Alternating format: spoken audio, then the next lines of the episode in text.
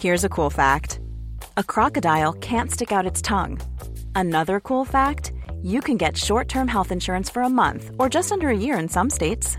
United Healthcare short term insurance plans are designed for people who are between jobs, coming off their parents' plan, or turning a side hustle into a full time gig. Underwritten by Golden Rule Insurance Company, they offer flexible, budget friendly coverage with access to a nationwide network of doctors and hospitals. Get more cool facts about United Healthcare short term plans at uh1.com. Hey, it's Ryan Reynolds, and I'm here with Keith, co star of my upcoming film, If, only in theaters, May 17th. Do you want to tell people the big news? All right, I'll do it. Sign up now and you'll get unlimited for $15 a month in six months of Paramount Plus Essential Plan on us. Mintmobile.com slash switch. Upfront payment of $45 equivalent to $15 per month. Unlimited over 40 gigabytes per month. Face lower speeds. Videos at 480p. Active Mint customers by 531.24 get six months of Paramount Plus Essential Plan. Auto renews after six months. Offer ends May 31st, 2024. Separate Paramount Plus registration required. Terms and conditions apply if rated PG. Var alt mye bedre før, Eva?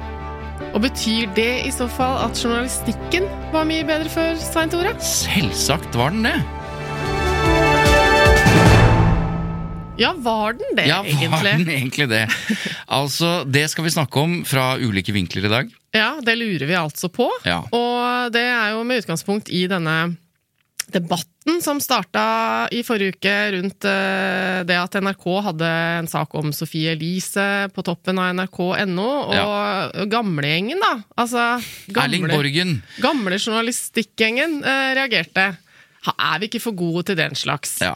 Og så hadde vi det gående. Og dette her er jo en klassisk debatt. Var alt mye bedre før? Svaret på det er jo som regel nei. Men la oss dykke litt inn i det, da. Ja, vi skal Eh, det, og så skal vi høre etter hvert fra Katarina Juni Moneta, som er TikTok-ansvarlig i NRK blant annet, og stor på TikTok med kontoen Beautiful. Nettopp. Ja. fordi dette handler jo litt om eh, denne forargelsen fra eldre herremenn som syns at det er for mye fjas eh, på forsidene. Ja. Det kan jo hende dette fjaset faktisk er ganske bevisst for å treffe nettopp de yngre. Det kan jo hende, det. Kanskje. Altså. Hva tror du? Nei, jeg syns det var befriende å lese Erling Borgens uh, Ja, rant Det mot Det syns jo egentlig jeg også. Og så Det jeg betyr vel at vi er plassert på den ene siden i denne debatten, er vi det, eller? Ja, altså jeg ble i hvert fall litt sånn Hvorfor likte jeg dette her? Og så tok det litt tid, og så øh, leste jeg noe mer, og så tenkte jeg at jeg likte det ikke så godt allikevel. Du, veldig søtt at du sitter der med sånn eh, rosa bloggerkopp. Love står det her. Det står ikke bare det. Det står Is all you need. Og det er jo helt riktig på en dag som denne. Ja, kan jeg vi få lov til å si det? Ja, det er vel lov å være ærlig på at vi er begge litt slitne i dag. Vi var på jobb til veldig seint i går. Det var vi. Men du, hvordan har uka vært sånn, bortsett fra at du var på jobb seint i går? Du, eh, det har vært eh, for, altså, for en gammel journalist, da, som vi skal snakke om seinere, Ja. som syns alt var mye bedre før, Ja. så, eh, så merker jeg at det er statsbudsjettet denne uka. Ja.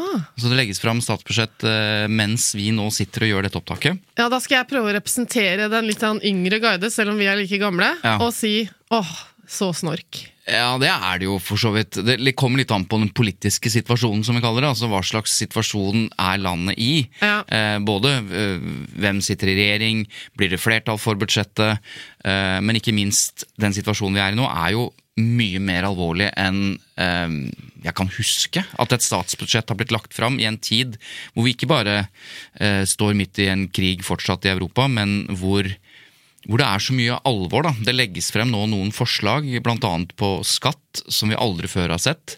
Eh, fordi eh, vi trenger de pengene Ja. eh, til fellesskapet og felleskassa. Mener i hvert fall regjeringen. Så mener jo veldig mange andre at eh, den skatten eh, ødelegger. For den vil jo da bidra til å knele deler av næringslivet, som gjør at vi i hvert fall ikke får nok penger i felleskassa osv. Men det er i hvert fall en, en sånn, viktig ramme. eh, sånn grunnleggende forklaring av skatt fordømmes. Altså prinsippet med Ja, det er egentlig ganske enkelt. Det er egentlig ganske enkelt, fordi at alle er enige om at vi skal betale eh, skatt for at vi skal bruke de pengene til å bygge sykehjem og skoler osv. Er alle det? Ja, det er noen liberalister som selvfølgelig eh, ikke er det, som, ikke er, som, ikke som, er, eh, som mener at vi ikke burde hatt en stat. Ja. Men da er vi litt mer på det liberalistisk-filosofiske. Men Ja. alle er enige om at vi skal betale en skatt. Ja. Men det er veldig stor uenighet om hvordan Hvor mye? ja, hvor mye og hvordan innretningen på skattesystemet er. Skal alle betale samme prosentandel av det de har, eh, på en måte? Eller skal de som har mer, betale mer? Ja, og vi har jo et skattesystem eh, som de også de fleste er enige om, at de som har litt mer, skal betale litt mer. Nå høres det ut som vi driver sånn eh, skole for barn. ja, det er samfunnskunnskap. Eh, Nok vet ikke hvordan vi evner havne her, eh, Eva, men skatt er viktig. Både for stor og liten. Hva er det Men sånn? jo, det er sånn pressemeldingenes dag i dag, er det ikke det? Altså, det er nå, det. er det, nå er det dagen hvor alle som er opptatt av noe, og som jobber for noe i samfunnet, og spesielt de som jobber for å få penger Mm. til sine prosjekter fra statskassa, det er dagen i dag. Ja, de blir hørt. Nå er alle på jobb. Fordi eh, Journalistikken er ganske forutsigbar akkurat på når statsbudsjettet legges fram. Fordi Ja. da er det sånn Statsbudsjettet legges fram, og så skal alle si hvor jævlig det er. Ja, og så føler jeg at eh, rett før det skjer, så er det alltid noen lekkasjer. Ja, alltid noen lekkasjer. Ja, allerede er kommet lekkasjer om oljeskatt eh, på morgenen i dag. Ja. Men, men det er pressemeldingens dag, ja. Eh, og pressemeldingen eh, kan man jo diskutere i denne podkasten som vi driver. Hvordan blir journalistikken til? Blir det ved at noen sender en pressemelding?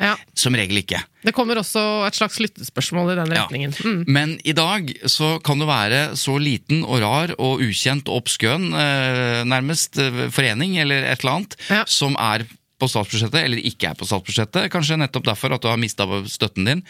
Send en pressemelding. Du kom på trykk. Noen raser over statsbudsjettet. Ja. Det er nesten sånn det er nesten sånn, du vet, Første juledag og påskedagen og sånn, så er det sånn reklamefri dag på TV. Ja. På reklamefinansierte ja, dager. Da, så får- reklame da får du masse rare organisasjoner du aldri har hørt om. Ja. Litt sånn i dag òg. Ja. Fordi da er det bare å sende pressemelding, og så, du, og så raser du mot budsjettet.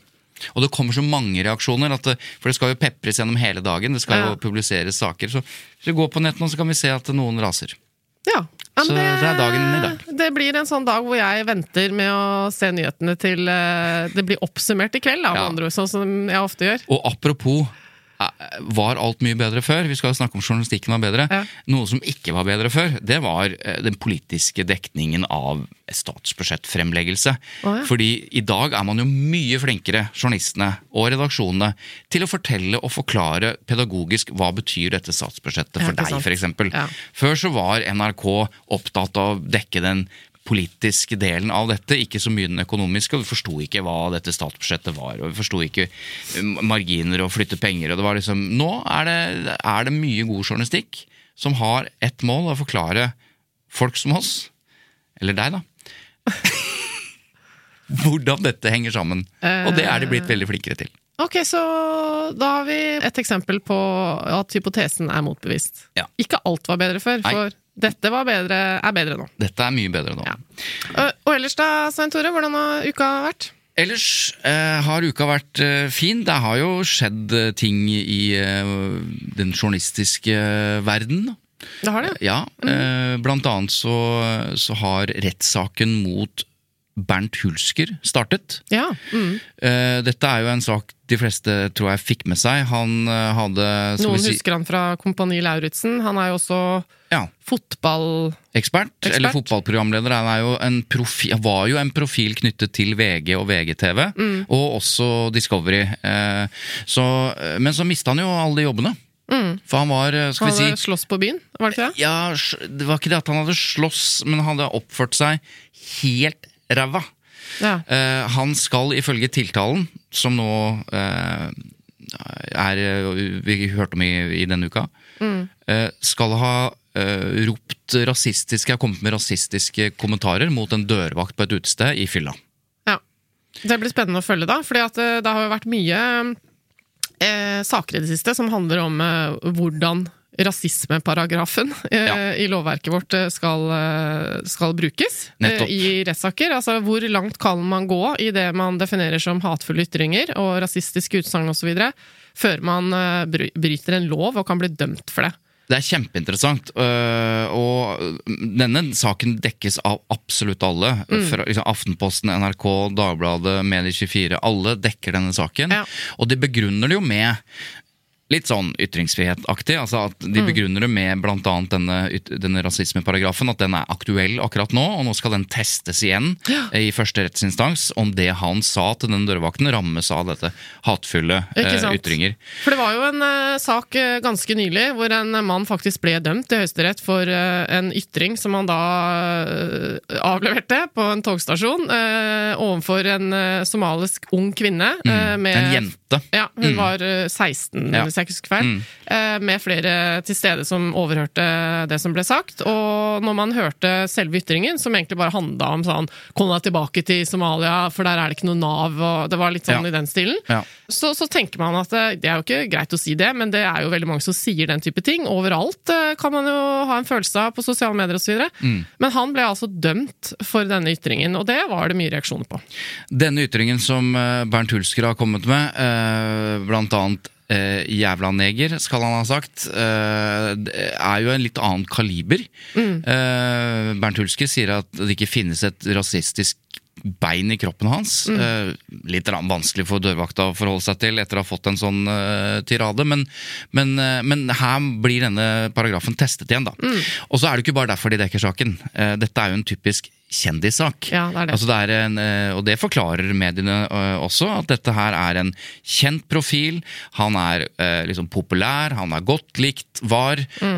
Han er forbilde, kanskje mange. Han, det han gjør, er, har betydning fordi han har den posisjonen han har. og Det er altså en annen vanlig begrunnelse for å dekke det vi kaller kjendisstoff, eller mot kjente profiler. Har gjort et eller annet. Ja. Kommer ikke unna med det, på samme måte som vi, ikke, vi ville ikke ha dekket denne saken hvis det ble en vanlig fyr, f.eks. Så vårt råd er vel da at eh, hvis du har planer om å være litt rasistisk eh, i framtida, så bør du ikke først bli kjendis. Nei, det, det er veldig dumt. Det er veldig dumt. Eh, Men du, men det, er, jo, men bare før jeg fortsetter, det er jo noen som ikke dekker denne saken. ja. Norges største avis dekker ikke denne VG? saken. VG selv. Det er kanskje kritikkverdig, eller er det ikke det? Nei, altså det VG gjør er å gjøre som andre store medier har gjort før dem. Altså hvis det gjelder eh, Husk på at dette, han jobber ikke lenger i VG, men han jobbet i VG. Da Det skjedde på et VGTV julebord. Mm. Det er flere ansatte i VG som vil eh, vitne i retten, hvis jeg har forstått det riktig. Ja. Så det å drive journalistikk på eget hus er krevende. Ja, Så det, men ikke nødvendigvis eh, uakseptabelt å gjøre. Nei. Det skjer jo det noen Det ganger. skjer det, men da er det ofte større avstand. For eksempel så kan VG eh, drive journalistikk på egne ledere, hvis de har Mm. fått mye liksom lederlønningene i Skipsted eller VG, eller, eller det har vært, eh, Mm. kanskje det har vært noe økonomisk visvas borti salgsavdelingen.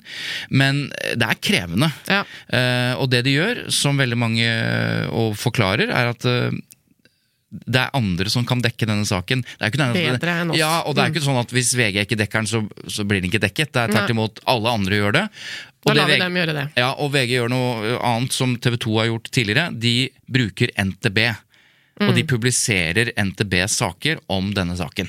Ja, som er, altså Det er jo da journalistikk som er laget av Norsk Telegrambyrå, som eh, NTB Som er et nyhetsbyrå. Ja, ikke ikke sant? Som server jo alle andre aviser som ikke er til stede. Så når du leser om denne saken her i, i Nordlys, så har ikke Nordlys nødvendigvis vært i, eh, i retten, men da de bruker kan- NTB. Og da kan du lese i saken at den kommer Ja. fra NTB. Og det, er sånn jeg syns for så vidt det er uh, ryddig, men, uh, men de hadde jo nyheter på Bernt Hulsker-saken. Jeg husker vi snakket om det da den skjedde, Mm. Eh, og noen kritiserte hvorfor var det TV 2 som breika denne Bernt Hulsker-saken, for VG og har jo åpenbart måttet visst om dette, så de hadde jo tilgang på, på informasjonen, og da Mm. blir det plutselig vanskelig igjen. ikke sant? Hva kan de bruke, hva er personalmessig forhold, og så. Vel, vel. Mm. Så denne saken eh, går for åpne dører, vidåpne dører, eh, akkurat den, disse ja. dager. Ja. Bra. Du, Apropos uh, hvordan man oppfører seg på byen osv. Uh, kan jeg få lov å bare komme med en anbefaling Ja. til lytterne våre? Hvordan, anbefaling om hvordan man skal oppføre seg på byen? Så henger barn, så blir du spandert på. Det er Ja. min anbefaling. Neida. Um, jeg vil oppfordre alle til å lytte til eh, den podkasten som eh, heter Mannen i Thereses gate. Ja. Som eh, ligger på NRK sin spiller, og også åpent eh, andre steder, eh, sikkert, der man hører podkaster. Eh, som da er eh, laget av eh, mange mennesker, men i front er da Joakim Førstund, som har vært gjest her hos oss. Mm. Det er jo en gammel journalist som nå jobber i Gyllendal med å lage podkast. Tror du han liker at du omtaler han som en gammel journalist? Han var tidligere journalist, i hvert fall. Unnskyld! Joakim. Du er ikke gammel, du er bare Ja. tidligere journalist. Ja. Han er jo journalist nå, da, for dette er jo noe av det beste journalistiske produktet som er laget på veldig lang tid. Takk for at du hjelper meg å få sagt det jeg prøver å si. Eh, det handler da om eh, om eh, Rustam Louis Foss, altså han som ble eh, skutt og drept av politiet i Thereses gate på Bislett, Mm. etter å ha løpt nedover gata med en kniv i hånda. Eh, Mm. Og trua, trua folk og, og angrep politiet og Ja, og det som var litt spesielt med akkurat den saken, var jo at politiet og andre var Det var veldig mye folk til stede da det skjedde, og politiet var også raskt på stedet. Så det er også mye dokumentasjon av dette som har kommet ut i offentligheten. Vi har alle sett videoene av at han ble forsøkt eh, påkjørt først av politibilen osv. Eh, så det var veldig dramatiske bilder, og vi fikk mye informasjon om saken, og det var trist og jævlig, og det var, eh, det var sørgende folk eh, som la ned blomster etterpå. Det var mye vakre ting som skjedde i kjølvannet av dette tragiske Og vi skjønte at han var en del av et skuespillermiljø, og det kom noen opplysninger, Ja. men ikke, ikke så mye. Nei, eh, så det som er grunnen til at jeg anbefaler alle å lytte til denne podkasten, er at det er så vakkert fortalt, og det er en så respektfull historiefortelling om livet til Rustam, som han het. Og altså, virkelig. Det er også samfunnskritikk, men ikke så liksom eh, eh, Sånn med høy stemme. Det, du, du bare forstår hvordan systemet, i hvert fall ikke nødvendigvis hjalp dette mennesket, som åpenbart hadde en psykisk lidelse. Da. Ja, han var ordentlig sjuk, Ja. eh, og, og det som Rent journalistisk så går Joakim Førsund og hans kollegaer inn i dette ja, som du sier på en respektfull måte, men også de forteller jo hele forhistorien. Altså, selve Ja, klimakset er jo at han blir drept, og så er det så fortelles den på en måte forfra. Altså alt som leder opp til dette. Så det er, ja, det er en veldig veldig god podkast. Sånn, han, sla, mm. han slapp denne podkasten rett etter at han vant pris for den forrige, og det skal ikke forundre meg om, om det vanker heder og omtale for denne podkasten. Absolutt ikke. Så gratulerer med det. Veldig bra. Mm. Eh, En podkast jeg absolutt ikke vil anbefale. Vet du hva det er? Nei, det er bare tull. vi, vi holder oss til skryt nå. Dette Ja. var veldig bra. Ja. Um, en annen ting som jeg kanskje nevner før vi snakker om alt var bedre Alt var bedre før, det er um, at uh, ABC Nyheter har sagt at de ikke vil skrive ett ord om VM i Qatar. De har rett og slett bare bestemt seg for å boikotte hele dritten. Eh, og begrunner det rett og slett med at eh, det er noe som er rett, og det er noe som er galt. Eh, og vi kan ikke være med på Nå siterer jeg ikke, da, men det, var det, det er det som er begrunnelsen. At uh, hele menneskerettighetssituasjonen, måten Qatar har liksom fått VM på, alt det der, gidder ikke å bidra, skriver ikke ett ord om det. Interessant. Og det, det begynner jo å nærme seg ABC Nyheter, liksom. Ja, ikke sant? Ja. Og det begynner jo å nærme seg VM i Qatar, som da skal uh, avvikles i eh, juletider, er det ikke det? Eh, og det kommer vi til å komme tilbake til, for det må vi selvfølgelig snakke om. Og Mm. prøve å få litt informasjon om hvordan de ulike reaksjonene reflekterer Mm. rundt dette. Fordi det er jo noe med at eh, fotball-VM er veldig mye folk som er interessert i det, åpenbart. Og så må man allikevel prøve å eh, håndtere den situasjonen eh, profesjonelt Mm. som, eh, som journalist, nemlig det at eh, man eh, får ikke nødvendigvis tilgang til all den informasjonen man burde, Nei. eh, når man ønsker å stille litt kritiske spørsmål rundt uh, Dette er kjempevanskelig. Jeg er litt overrasket. Her, her er sitatet, da. For oss er det et spørsmål om rett og galt. Vi ønsker ikke å bidra til å legitimere en stat som uh, undertrykker kvinner og homofile og nærmest holder slaver som arbeidskraft. Uh, dette er altså all sportslig og resultat, eh, resultatbasert dekning gjennom hele VM gjelder dette. Mm. og, det er, det står jo respekt av det å, å ta, ta sånn stilling, for det er ikke noe tvil om at dette stoffet vil generere eh, klikk og inntekter for de som uh, dekker dette. Dette er jo er tross alt VM i fotball. Så uh, litt overraskende, og, og, og, men det er ikke noe enkel sak. Uh, bare minne om at Amnesty hadde ikke noe klart, så vidt jeg husker, noe klart råd om eh, norske medier f.eks. skulle boikotte eller ikke. Litt fordi nettopp at eh, er du ikke til stede, så har du heller ikke muligheten til å rapportere Stille andre ting. Og så er selvfølgelig diskusjonen hvor mye kritisk journalistikk har det vært, eh, og hvor mye kommer det i forbindelse med VM osv. kommer vi som sagt tilbake til. Eh, Men apropos det med å ikke ville bidra til å legitimere ting. eh, Det kan jo være en fin bro over til den saken, eh, som da eh, starta med at eh, NRK.no, altså nettavisen NRK.no, lagde en sak eh, hvor Sofie Elise var hovedperson. Det handlet om at hun i en podkast som nylig var lansert, hadde fortalt om eh, at hun hadde vært innlagt eh, for å bli kvitt sine rusproblemer. Og så ble det en ordinær nyhetssak som ble liggende så og så mange minutter øverst på nettavisen. Ja, en, ti, en drøy time, tror jeg. Altså, Ja. Det lå topp, og så var det masse mennesker som syntes at det var for gæli. At det skulle være at NRK skulle ha Sofie Elise på topp. Hva Ja. slags nyheter er det? Og i tillegg, du sa lanserte en podkast. Ja, på Og da- NRK. Og det, var, ja, og det var broen min, ikke sant? At eh, da lanserer de en podkast der Sofie Elise er en av hovedpersonene. Altså kan man jo mene at da bidrar jo NRK til å legitimere henne som en påvirker. Ja. Eh, som del av sitt journalistiske produkt. Som det jo er, fordi at en podkast som eh, legges ut på NRK, er det NRK som har Ja. for. Og kritikken var, var eh, liksom bred. Det ene var at man ikke skulle at dette ikke var nyheter for NRK. eh, At en influenser hadde gjort eller ment eller vært innlagt. Eller, det er liksom Sånn skal ikke Det er, det er krig i verden, liksom. Ja. Den litt forutsigbare kritikken. Og så er det den kritikken du, selvfølgelig, at, at det er med på å legitimere. Men, Men du, la, la meg jeg får litt déjà vu her. Ja. Snakka ikke vi om dette her forrige jo, uke? eh, jeg må ta med lytterne med på en sånn uh, behind the scenes i Tut og Manager. Fordi for nøyaktig en uke siden, og Ja. dette kan vi dokumentere beviset, vi kan til og med klippe inn litt fra det andre hva Det som skjedde i for forrige uke. Mm. Men poenget er i hvert fall du jazza deg litt opp uh, når vi snakka om denne saken. I forrige uke. Ja, i forrige uke. Eh, og så ble det ganske langt, og det er jo av og til sånn at vi prater faktisk enda lenger enn det episoden er. Ja, Tro det jeg eller kan, ei. kan det. Og da klipper vi vekk deler. Og akkurat dette Når vi skjønner at eh, episoden blir for lang. Det er ikke fordi vi Ja. driver og klipper og sensurerer oss selv vanligvis. Bortsett fra akkurat denne gangen, så uh, sier du eh, noe om Sofie Elise. Mm. Uh, hvis jeg tar det på husken, så er det et eller annet at du syns hun er et dårlig forbilde. Mm, for de unge. Uh, For de unge. Mm. Fordi hun har liksom operert seg og du vet, ikke sant. Og etterpå så sa du at jeg tror ikke jeg orker det her. Du sa det til meg, jeg tror Ja. ikke jeg orker For hvis jeg sier at hun er et dårlig forbilde, så blir det mas i alle kanaler. Og, bare, Og, da, ja, og det må jeg svare for, for det, Ja, det skulle bare mangle. jo. eh, Liksom, ja, så må jeg ut og svare hvis noen eh, blir irritert på at jeg sa det, og det må jeg forvente eh, at det er et slags krav.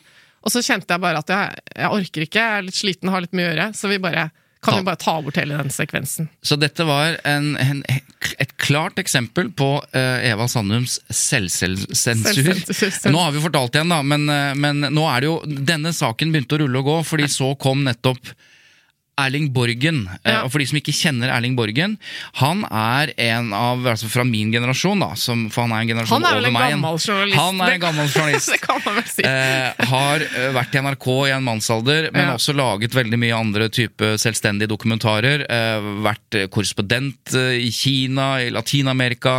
Altså en av de gode gamle. Ja, men og nettopp det skal man ikke kimse av. Det vil jeg bare ha sagt. Mm. Ikke sant? Når vi omtaler noen som gammel, så er det også mye bra i det. Altså, Ja All den erfaringen som ligger i et helt liv eh, med arbeid i journalistikken, skal jo ikke kimses ja. av. Og han har vunnet priser for sin journalistikk, også fått kritikk, fordi Erling Borgen er også en gammel raddis, vil jeg påstå. Altså Han har, ligger relativt langt til venstre på den politiske skalaen. Ja, Aldri nå er vært han her for å svare for Ja, han seg, trenger ikke forsvare, dette er han stolt av, så det er ikke noe angrep på han, men bare forklare litt settingen. At han, han har eh, liksom i sin et journalistiske virke da, vært eh, veldig tydelig på sitt, si- sitt eh, verdiståsted, da. Ja. Om ikke politisk. Jo, politisk òg. Men i hvert fall.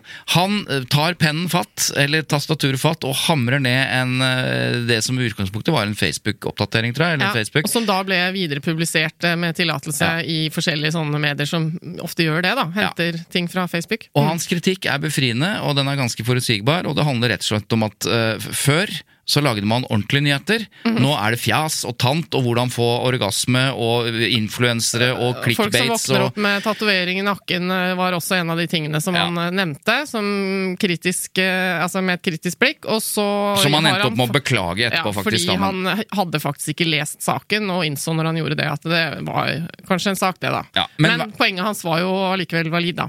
Det er lov å mene det han mente, nemlig at hva har skjedd med nyhetene? Nettopp. Hvorfor skal vi drive og få saker om eh, betydningsløse influensere som ikke har noe å Ja. komme med? Var liksom premisset hans. Ja, og litt. de som er lei eh, clickbates og, og nettaviser som eh, tilsynelatende enten lurer deg eller bare kommer med fjas om kjendiser eller hva det måtte være, Mm. er jo litt enig med han. Altså enig med frustrasjonen, men så er det grunnleggende spørsmålet eh, om eh, det var bedre før. Om journalistikken var bedre før. Og dette har vi jo touchet litt inn, inn på. Han får eh, virkelig svar på tiltale. Og ikke bare av, liksom, av yngre, fordi det er ikke de som svarer han, de gir kanskje blaffen i Erling Borgen, men, men også journalister på hans egen alder som sier ja, men Erling, det var ikke bedre før, skjønner du. Det var rett og slett, det er rett og slett bedre journalistikk nå, men det er mer journalistikk nå. Sånn at eh, alle disse klikk-greiene og influensersakene som vi kan få litt uh, utslett av, de kommer jo i tillegg til mer gravejournalistikk, mer avslørende journalistikk, bedre metodisk eh, journalistikk, journalister som har mastergrader herfra til evigheten, som sitter og koder og programmerer og holder på, eh, og, og, og gjør ting som jeg ikke hadde, eller andre i min generasjon, ikke har forutsetning for å engang sette oss inn i. Ja. Eh, så, så, og, og presseetisk, høyere bevissthet. Eh, ja, så det var ikke bedre før, vet du. Nei, det var bare mer av det som folk som oss tenker at er bra. Nei, det, var ikke, det var ikke mer av det.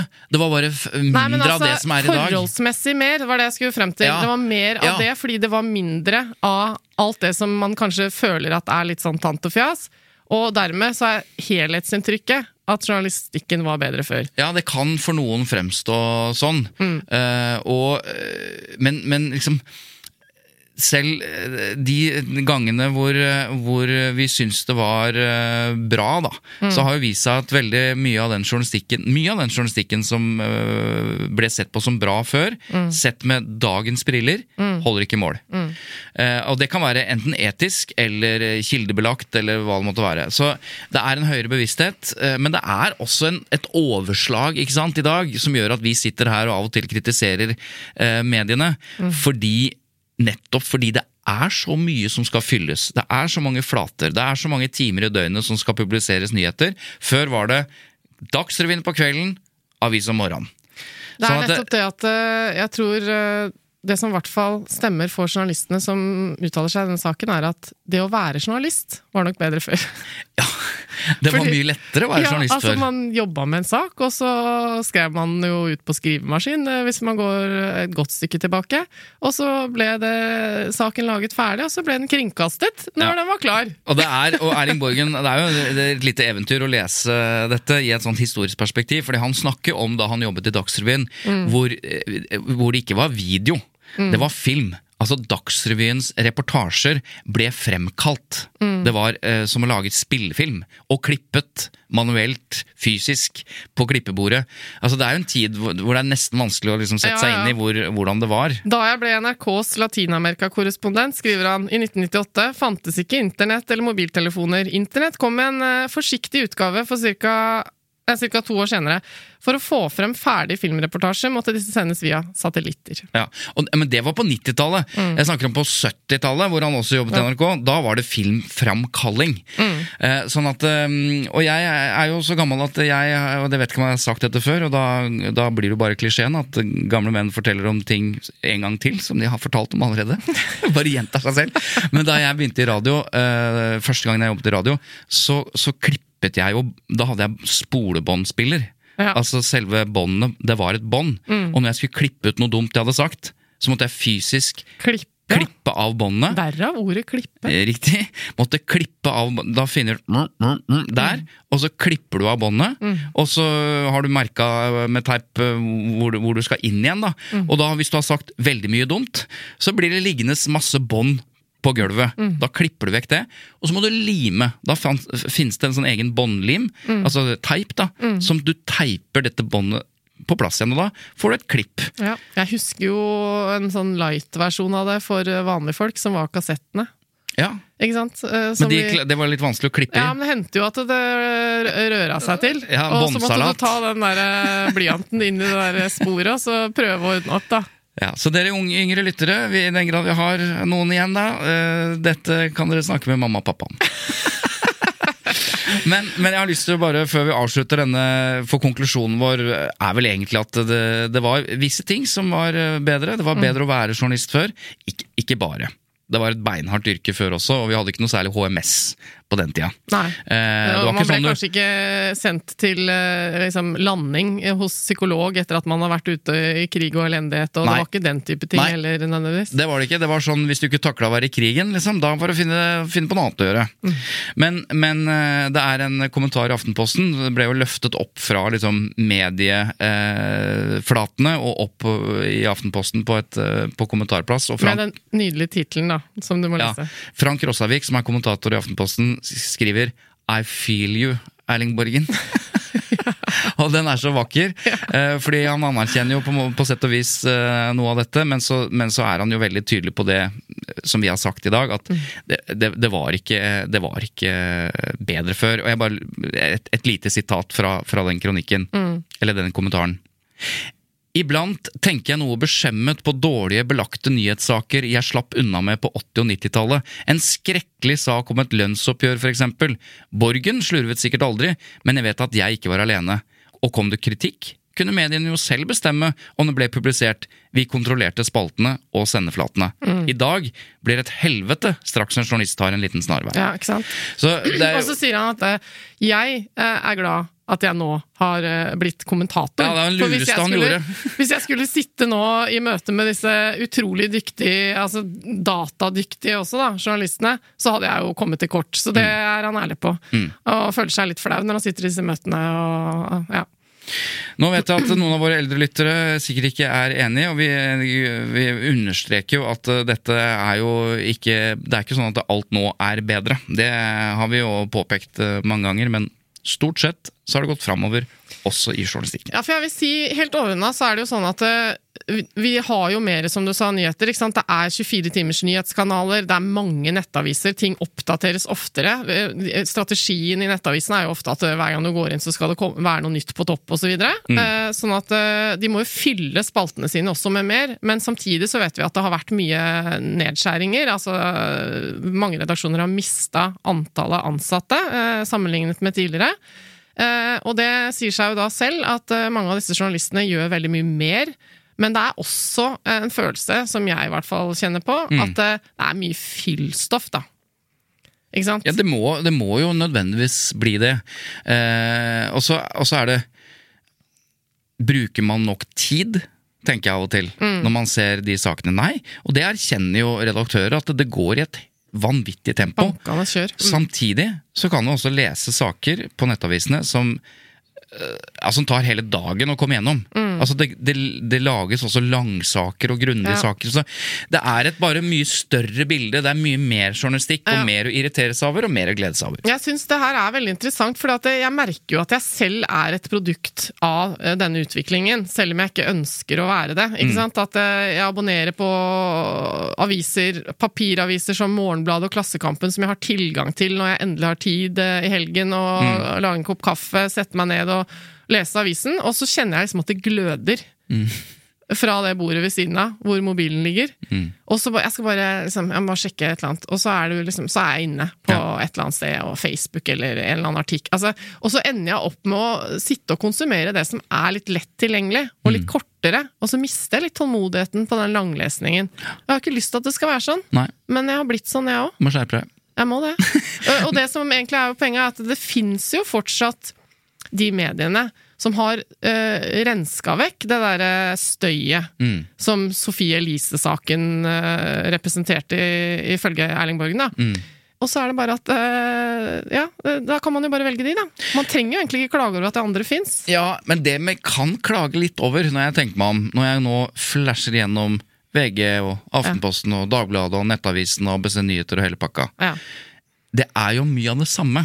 Altså, Ja. Vi er jo opptatt av mediemangfold. Vi har pressestøtteordninger som gjør at vi faktisk har et mediemangfold, hvis du tar deg bryet med å Som er best i verden, antagelig. Ja, ikke sant? Det er en bredde. Og Dagsavisen skriver ikke om kjendiser, eh, stort sett. Og Morgenbladet har en helt annen profil, og du har filternyheter, og det er liksom Og Dagens Næringsliv, og det er en stor bredde. Men det er mange av de der typiske nettavisene av de store mediene, de skriver jo om det samme. De har omtrent den samme miksen. Eh, men da må du kanskje bare velge deg Velg VG, eller velg Dagbladet, velg Aften Velg en av de, da, for det er Ja. mye av det samme. Og der er jeg litt sånn Da tenker jeg sånn Når det er så mye som skal fortelles, hvorfor kan vi ikke Hvorfor kan det ikke være litt mer spredning i feltet? Hvorfor må alle skrive om det samme? Men det er jo forklaring på det at eh, da, da taper du penger. Altså Hvis du velger å plutselig ikke skrive om et saksfelt fordi noen andre skriver mye om det, så, så går du jo glipp av den trafikken. da. Så det er jo det er ikke noen løsning på det heller. Og øh, en parallell til når vi jobber med kommunikasjon og med firmaer og sånn, det er jo vår andre jobb, så er det jo ofte sånn at hvis du ikke har ressurser til å gjøre alt mulig, så velg bort noe. Ja. Gjør det du gjør bra.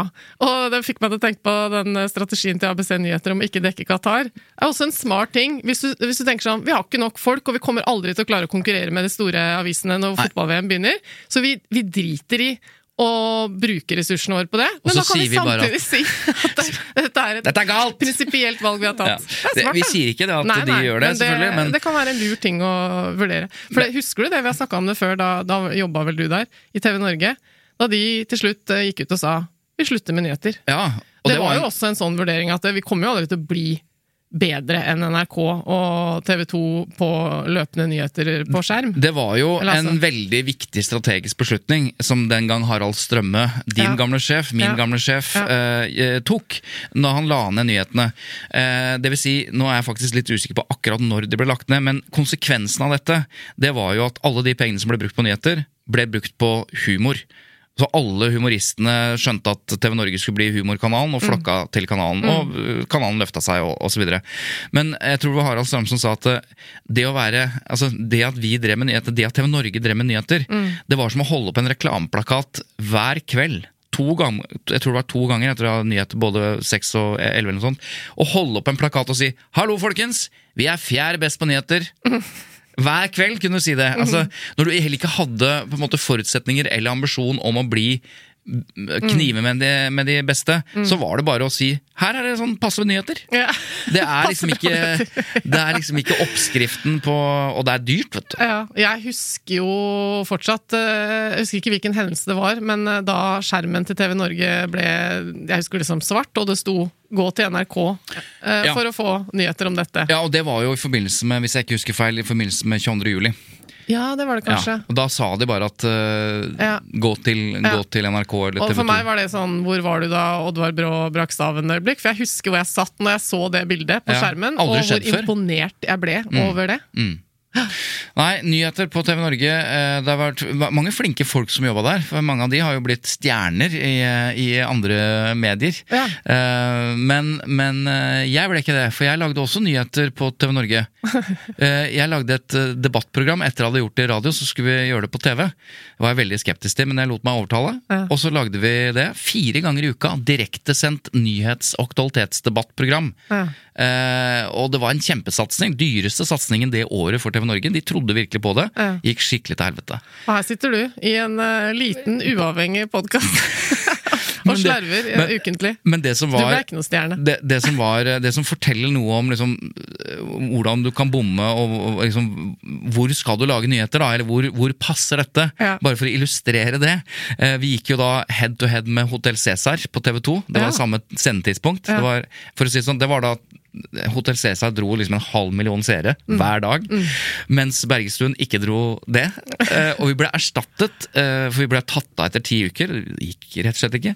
Og så ble vi erstattet av den britiske serien eh, Høy på pæra.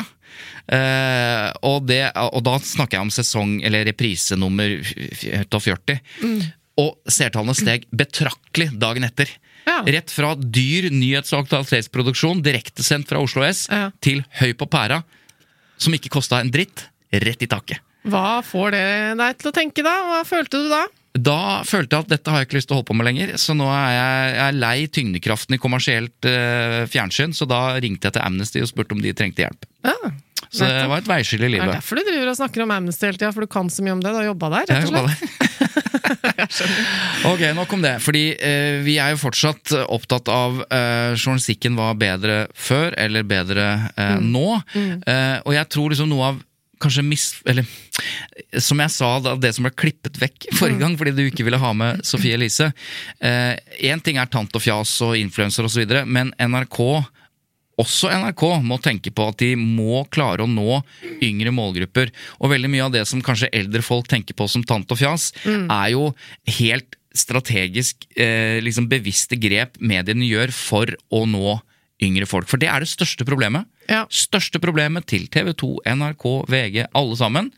Å treffe de yngre og få de til å bli interessert i redaktørstyrte medier, kvalitetssikra nyheter, og ikke bare feeder og ja, du Ja, vet. og, og, det... vi da snakket om, uh, var jo sant, Da kan man tenke at måten å gjøre det på, er å ta de folka som uh, de unge tilsynelatende er opptatt av, og lage nyheter om dem og med dem, Mm. og putte dem i de vanlige nyhetsflatene. Altså NRK.no eller Dagsrevyen eller, Eller eller den lineære TV-sendingen. Det å ta opp temaer Ja. som de yngre bryr seg om, på debatten. Og ikke bare de sakene som er viktige for voksne folk. Og dette gjør de jo også, Mm. til dels.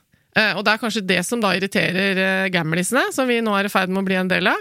Eh, at eh, dette vil vi jo ikke vi ha noe av. Vi Mm. bryr oss ikke om disse eh, idiotiske rosabloggerne osv. så videre. Sånn Mm. Så har de, har de blitt en viktig kraft i samfunnet, på godt og vondt. Så det er jo et tema som bør belyses. Ja, Men fordi ikke sant, Sofie Elise har jo da nå, sammen med Nå husker jeg ikke navnet på makkeren hennes, lansert en, en podkast som er nok en snakkepodkast, som handler egentlig om livene dems og, og refleksjoner de gjør om ting. Jeg har ikke hørt på den ennå, men, men det er jo et produkt som ligner på mange andre medieprodukter. Mm. Nesten alle har uh, forskjellige duoer som uh, Altså, følte jeg er vi, er vi en del av dette? prat, vi, i dag er vi i hvert fall en pratepodkast. Det er ikke noe tvil om.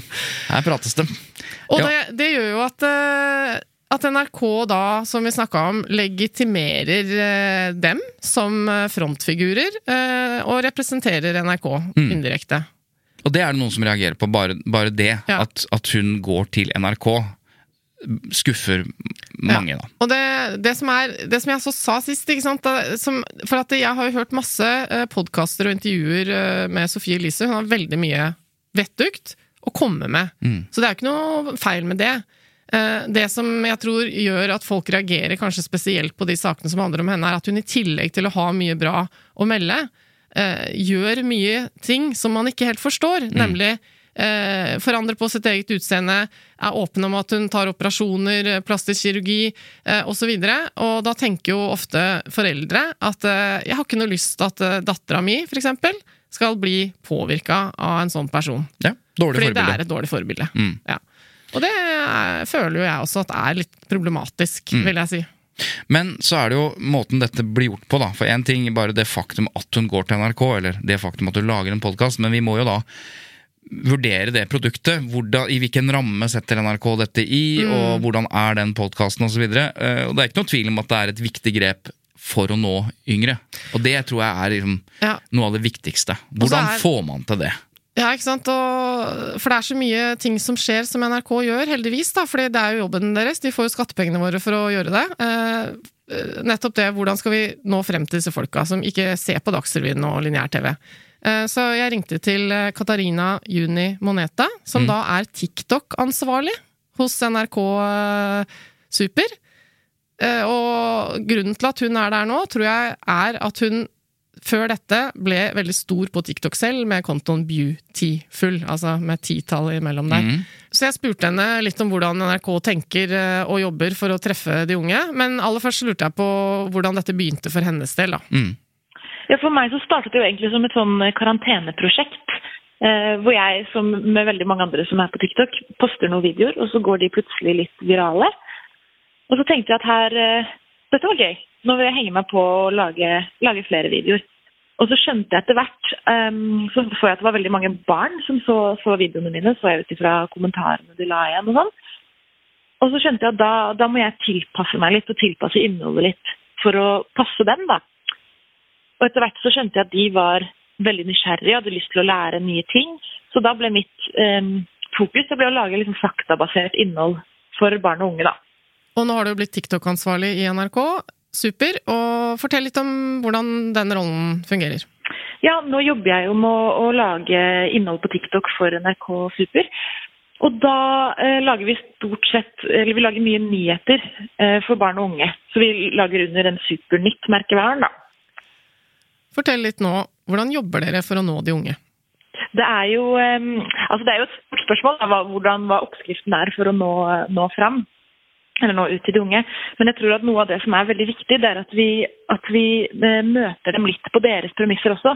At vi ikke prøver å lage innhold som er viktig for oss nødvendigvis å nå ut med, men at det også er innhold som, som de har lyst til å se. Da, at vi har en blanding der. Hva tenker du om å bruke influensere og ja, kjendiser som clickbates? Jeg tror Det som er viktig, husker jeg at mediebildet har endret seg veldig mye i løpet av de siste årene. Og at det er nesten litt sånn at, at influensere de kommer til å gjøre den jobben vi ikke gjør, hvis ikke vi klarer å henge med. For konkurransen nå er ikke lenger mellom de store, etablerte mediehusene, men det er, det er eh, influensere, eller hvem som helst med en smarttelefon egentlig, som, er, eh, som, som, kan ta oppmerksomheten til de som vi har lyst til å nå. da. Og det, det tror jeg er viktig å ha med i den debatten. Men er det sånn at du da jobber som journalist og lager egne nyheter og saker, eller jobber du sammen med og henter nyhetsstoffet og oversetter det til TikTok-journalistikk? Hvordan fungerer det? Ja, altså Vi jobber jo veldig variert, egentlig. Um, det er jo mye, mye, av det vi har, er jo, er jo hentet rett fra nyhetsbildet. Og vi jobber jo veldig tett med Supernytt, f.eks., som lager nyheter for barn. Um, og så er det jo mye altså for at, for at, vi skal nå de unge, så kan vi jo ikke bare pøse på med de viktige, store, tunge nyhetene som vi vil at de skal få. Vi må også ha litt underholdning inn. Vi må, vi må ha innhold som de liker å se på også. For da, da opplever vi at de oppsøker oss f.eks. hvis det skjer store ting fordi at de vet at vi fins. Så en del av det arbeidet jeg også gjør, da, er jo at, er å gjøre NRK synlig på en plattform som unge bruker. Sånn at de vet at vi fins, og vet hvor de skal gå. F.eks. hvis det skjer en, en, stor hendelse hvor de eh, søker informasjon, da, så vil vi heller at de skal eh, gå til oss, enn at de skal finne informasjon fra private på TikTok. Nettopp. Det er sånn eh, de unge jobber. Det var jo da Katarina Juni Moneta som ja. jobber i NRK. Og det, jo, det siste der syns jeg jo egentlig sier det meste. Mm. At det handler jo litt om å finne måter å fortelle at uh, vi fins, folkens. NRK er eh, stedet du skal gå mm. når det skjer noe, og når du trenger nyheter. Og så må de gjøre det ved å innynde seg gjennom annet stoff. Og det gjør, gjør jo NRK generelt også, ved å ha alt mulig annet enn nyheter. Altså, altså, og de har jo et, eh, et eh, oppdrag eh, på vegne av befolkningen eh, til å nettopp treffe hele befolkningen. Noen kan jo, som er helkommersielle, kan jo velge bort ja. eh, målgrupper. NRK kan ikke gjøre det. Så, Nei, de, så de er jo programforplikta til å ja, treffe alle. Og de er, jeg tidvis veldig veldig gode også uh, på det. Men, men, bare, mine damer og herrer, dette er det største utfordringen sammen med finansieringen av journalistikken, som man delvis har klart å, å løse nå, mener jeg, med gode abonnementsordninger, selv om vi ikke liker å ha ørten abonnementer konkurransen mot de store gigantene, plattformselskapene som mm. lager ikke bare internasjonalt, men etter hvert også mer norsk innhold, det er den store utfordringen. Og denne, eh, å treffe ungt nok. Altså. For det er ikke sånn at, uh, at, hvis du bare blir gammel nok, så begynner du å se på Dagsrevyen. Hvis, hvis, du aldri har starta med det noen gang. Så um, ja. Dette er uh, bra at det tenkes uh, i, i, de rekker, og da konkluderer vi vel, da, Eva, med at det er ikke bedre Det var ikke bedre før. Det, bare, det var bare veldig mye mindre journalistikk. Mm Eh, og det så ikke ut som det var så mye tant og fjas, for det var ikke noe internett. Da er vi for en gangs skyld enige, da, eller? Ja, vi er enige. Ja. Er ikke vi alltid enige? Ikke alltid, tror jeg. Men du, eh, før vi avslutter, så har vi fått et veldig bra lyttespørsmål, syns jeg. Ja. Og jeg antar at du på stående fot har et godt svar på dette. Ok. Det er en journalist som har sendt oss eh, spørsmålet, eh, og det handler om sammenblanding av roller. Eh, og han skriver at det, har vært flere journalister som har prøvd å rekruttere caser i strømgrupper på Facebook, men dette er første gang han da har sett eh, en bank rekruttere case på vegne av en ikke navngitt avis. Er det jeg som overreagerer, spør han, eller er dette på kanten av prinsippet om en fri og uavhengig presse? Uh, og han legger da ved uh, en Facebook-post uh, i en gruppe som heter Vi som krever billigere strøm. Og så er det da et menneske som stiller spørsmål i denne gruppa. Hei, jeg ønsker du å stille til et intervju om hvordan prisøkninger på strøm, mat osv. preger hverdagen. Jeg jobber i Storebrann. Vi ønsker å sette sammen et regnestykke for å vise hvordan en gjennomsnittsfamilie påvirkes av det kommende statsbudsjettet som legges frem på torsdag. Vi vil gjerne finne en familie med mer enn ett barn og to vanlige eh, altså i Gåstein, inntekter mellom 400 og 600 000. Dette skal gjøres for en avis. Så du og din familie må stille til intervju med dem, og med bilde. De ønsker å høre om hvordan økonomien deres har forandret seg siste år, osv. Nettopp. så ikke sant, dette er Ja. da øh, og det, det første jeg tenkte, var jo at øh, Vent nå litt. øh, dette spørsmålet fremstår for meg på en måte litt naivt, fordi jeg som har jobbet øh, i byrå med kunder Dette er jo sånn byråer ofte hjelper sine kunder. Mm. Nemlig ok, dere lanserer noe, eller dere har noe viktig å komme med ut i verden. Det trenger ikke å være noe kommersielt eh, liksom, suspekt eh, opplegg. Det kan bare være at vi ønsker å formidle ut i verden at vi har gjort forskning på et eller annet og sånn. Og så eh, får de da hjelp fordi de ikke har folk i sin egen organisasjon til å jobbe ut dette stoffet. Fordi de ønsker å ringe en avis og si her har vi disse greiene våre. Og så har vi i tillegg hjulpet dere med å finne noen som kan snakke om dette og sette det i perspektiv. Fordi vi vet at journalister trenger eh, ikke sant? Vi har snakket om Kvisa-kriteriene før. Vi trenger, altså, vi trenger cases som folk kjenner igjen. Nettopp. Kan identifisere seg Men hele forskjellen her er rett og slett at her er det Storbrann som er ute og løper journalistens ærend, eller gjør jobben for journalisten. Ja. Og det er ikke sikkert journalisten vet det. Nei. For det kan jo journalisten ha ringt til Storbrann eh, nettopp for at vi vil ha deres syn på det. Mm. Det kan hende, ikke sant? Og så, og så sier Storbrann at ja, men det, det ordner vi. Og så begynner de å lete på Facebook-grupper for å finne Mm. de casene. Vanligvis eh, så vil jeg vel si at det er jo journalistens oppgave Ja, ja, å finne caset. Eh, fordi eh, altså, det virker Det virker ikke helt ryddig, da. Nei, jeg er enig i det, altså, men eh, poenget mitt er bare at det, det virker ikke ryddig. Men dette foregår, etter min mening, eh, veldig mye oftere enn man skulle tro ut ifra dette spørsmålet. Nemlig det at man tilrettelegger for journalisten, og så sier man her er caset.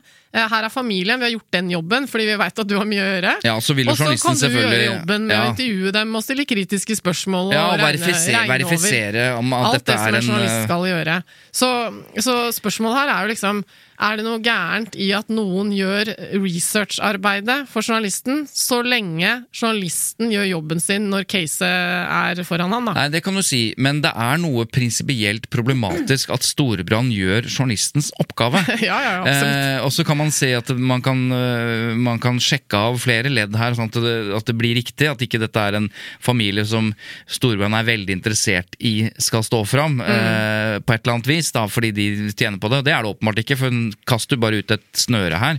Men, men det, det det kanskje også er en Hvis journalisten vet om dette, da.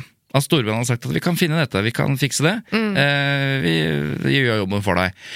Det er krevende å finne den type caser. Ja. Eh, og, det, og det skal finnes caser hele tiden for å, ja, for å, som du sier, folk Mm. skal kunne identifisere seg med det. Det skal være eksempler på det. Får vi nå kommer til å få masse av de sakene når statsbudsjettet Nettopp det er det som er poenget her. Når statsbudsjettet Ja. legges fram. Ja. Dette er familien eh, Andersen fra Kløfta, og de har to inntekter osv. Men og det, det er for travelt for journalistene eh, å lage disse, for dette er jo sånn dagsaktuelle saker som skal liksom på så fort som mulig. Og jeg, jeg har gjort det eh, sjøl når jeg jobbet som journalist, så har jeg skulle lage en, en sak om eh, funksjonshemmede, da, for eksempel. Og så ringer du til funksjonshemmede, altså foreningen de er en del av, interesseorganisasjon, og de er jo ofte da flinke til ja, vi kan finne noen som er villige til å stå opp, for de skal jo også på en måte kvalitetssikre at, eh, at dette er folk som tåler og har lyst og kan bidra osv. Og, så og det tenker jeg at når du henvender deg helt konkret til organisasjoner eller virksomheter eller bedrifter, at de gjør jobben ved å prøve å finne noen i sin organisasjon.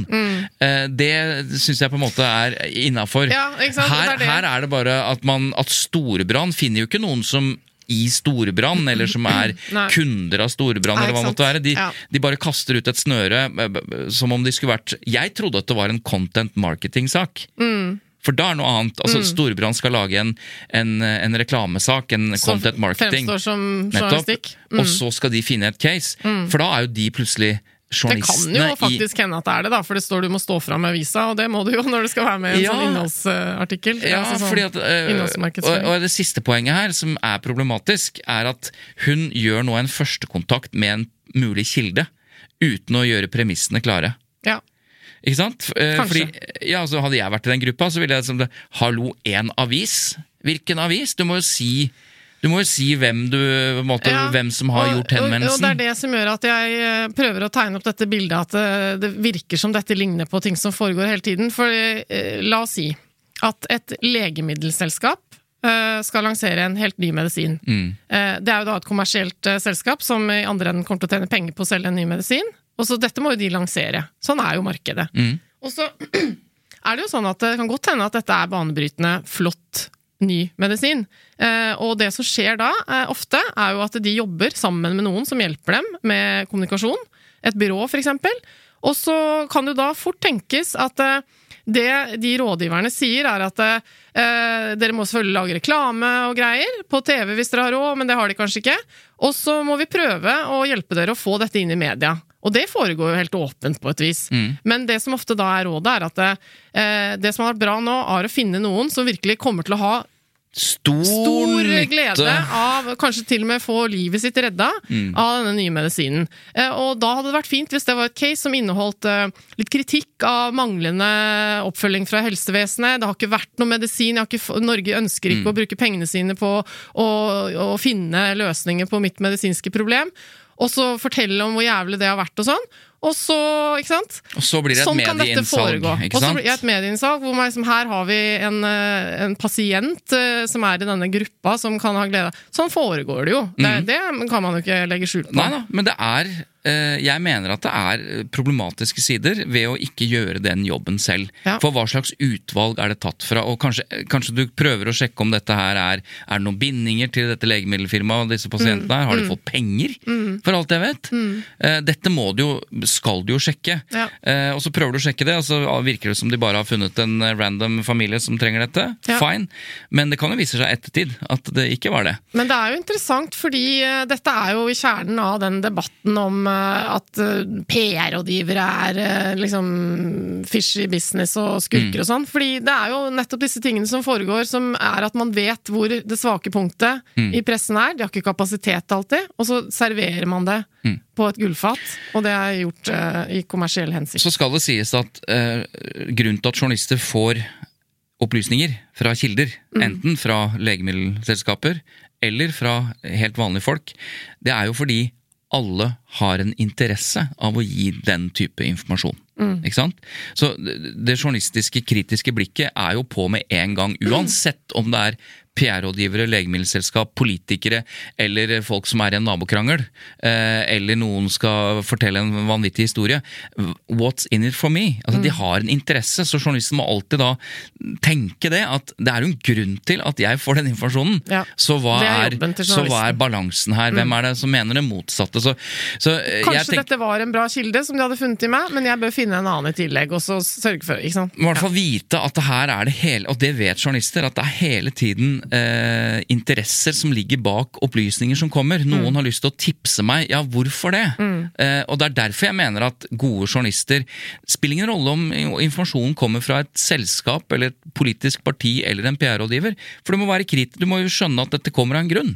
Og det må man alltid. Det kan få lov å være siste ord eh, i dag. Ja, nesten. For jeg må, jeg må bare? Jeg må bare jeg må, Bare én liten ting til. Vi har fått en, et, er en av våre faste lyttere Ja. uh, som har uh, sendt oss en, en liten Facebook-oppdatering, som ikke er et spørsmål, det er mer en kommentar til dagens mediebilde, som Ja. jeg syns fortjener, fortjener oppmerksomhet. Det er da Liv som skriver Siste Durek Nytt. I dag ler og klapper jeg meg for gravejournalistikken til Se og Hør, for Kjendisbladet ville til bunns i hva medaljongen til Shaman Durek egentlig består av, og ba Sintef undersøke medaljongen. Og så eh, sier da Se og Hør da, ikke sant, at eh, vi hadde ikke noe kompetanse på dette innad eh, i redaksjonen, så vi ønsket å gjøre en undersøkelse på en så saklig og vitenskapelig måte som mulig.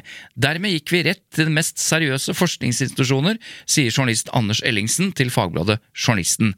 Eh, jeg tror dette oppdraget er det morsomste, morsomste Sintef har noen gang har hatt. Det kan godt hende. Og så kommer da endelig Sintef-rapporten, skriver Liv, eh, og forsker Bjarte Arne Øie ble spurt av Se og Hør hva han mente var den mest oppsiktsvekkende med medaljongen. Sitat. Han svarte at det mest oppsiktsvekkende var at det ikke var noe spesielt eller oppsiktsvekkende ved medaljongen, fortelles forteller Se og Hør-journalisten. Så eh, Ja, da- der har de gjort et, et grundig arbeid. Absolutt. Det kunne hende det var noe i den medaljongen, vi må ha åpent sinn, ikke sant, som Ja. var eh, noe greier som eh, Ja, kunne bidra noen til energier og Ja, det har og det altså. mineraler og Det er nå slått fast. Eh, Se og Hør har gravd og funnet ut at det er bare en helt vanlig medaljong. Så jeg vi må gi honnør til Se og Hør for det arbeidet. Veldig bra. Eh, Det var jo litt hatten på snei, da. Så det var, det var artig.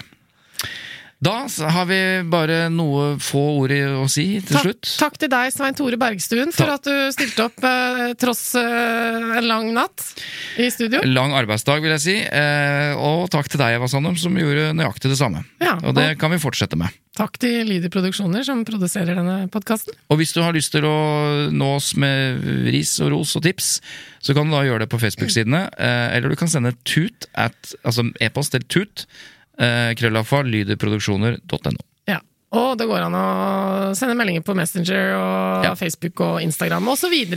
Eh, og eh, hvis du akkurat har eh, ramla inn i dette podkastuniverset og syns det var interessant, så spre gjerne ordet til dine venner og kjente, for vi er en uavhengig podkast som ikke får hjelp fra noen. Ikke en kjeft hjelper oss med det prosjektet her eh, lenger. Eh, det kan vi jo tolke på ulike måter, men vi kommer tilbake neste uke og prøver oss igjen. Og Det- lager podkast om hvordan journalistikken blir til. Det satser vi på. Ha det bra! Ha det!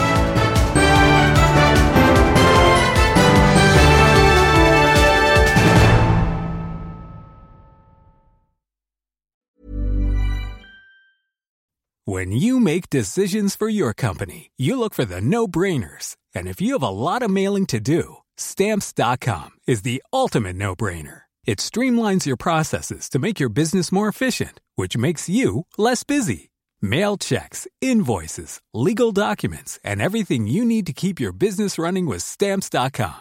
Seamlessly connect with every major marketplace and shopping cart. Schedule package pickups and see your cheapest and fastest shipping options from different carriers with rates up to 89% off USPS and UPS rates. And with the stamps.com mobile app, you can take care of mailing and shipping wherever you are. Make the same no-brainer decision as over 1 million other businesses with stamps.com. Sign up with code program for a 4-week trial plus free postage and a free digital scale. No long-term commitments or contracts. That's stamps.com. Code program.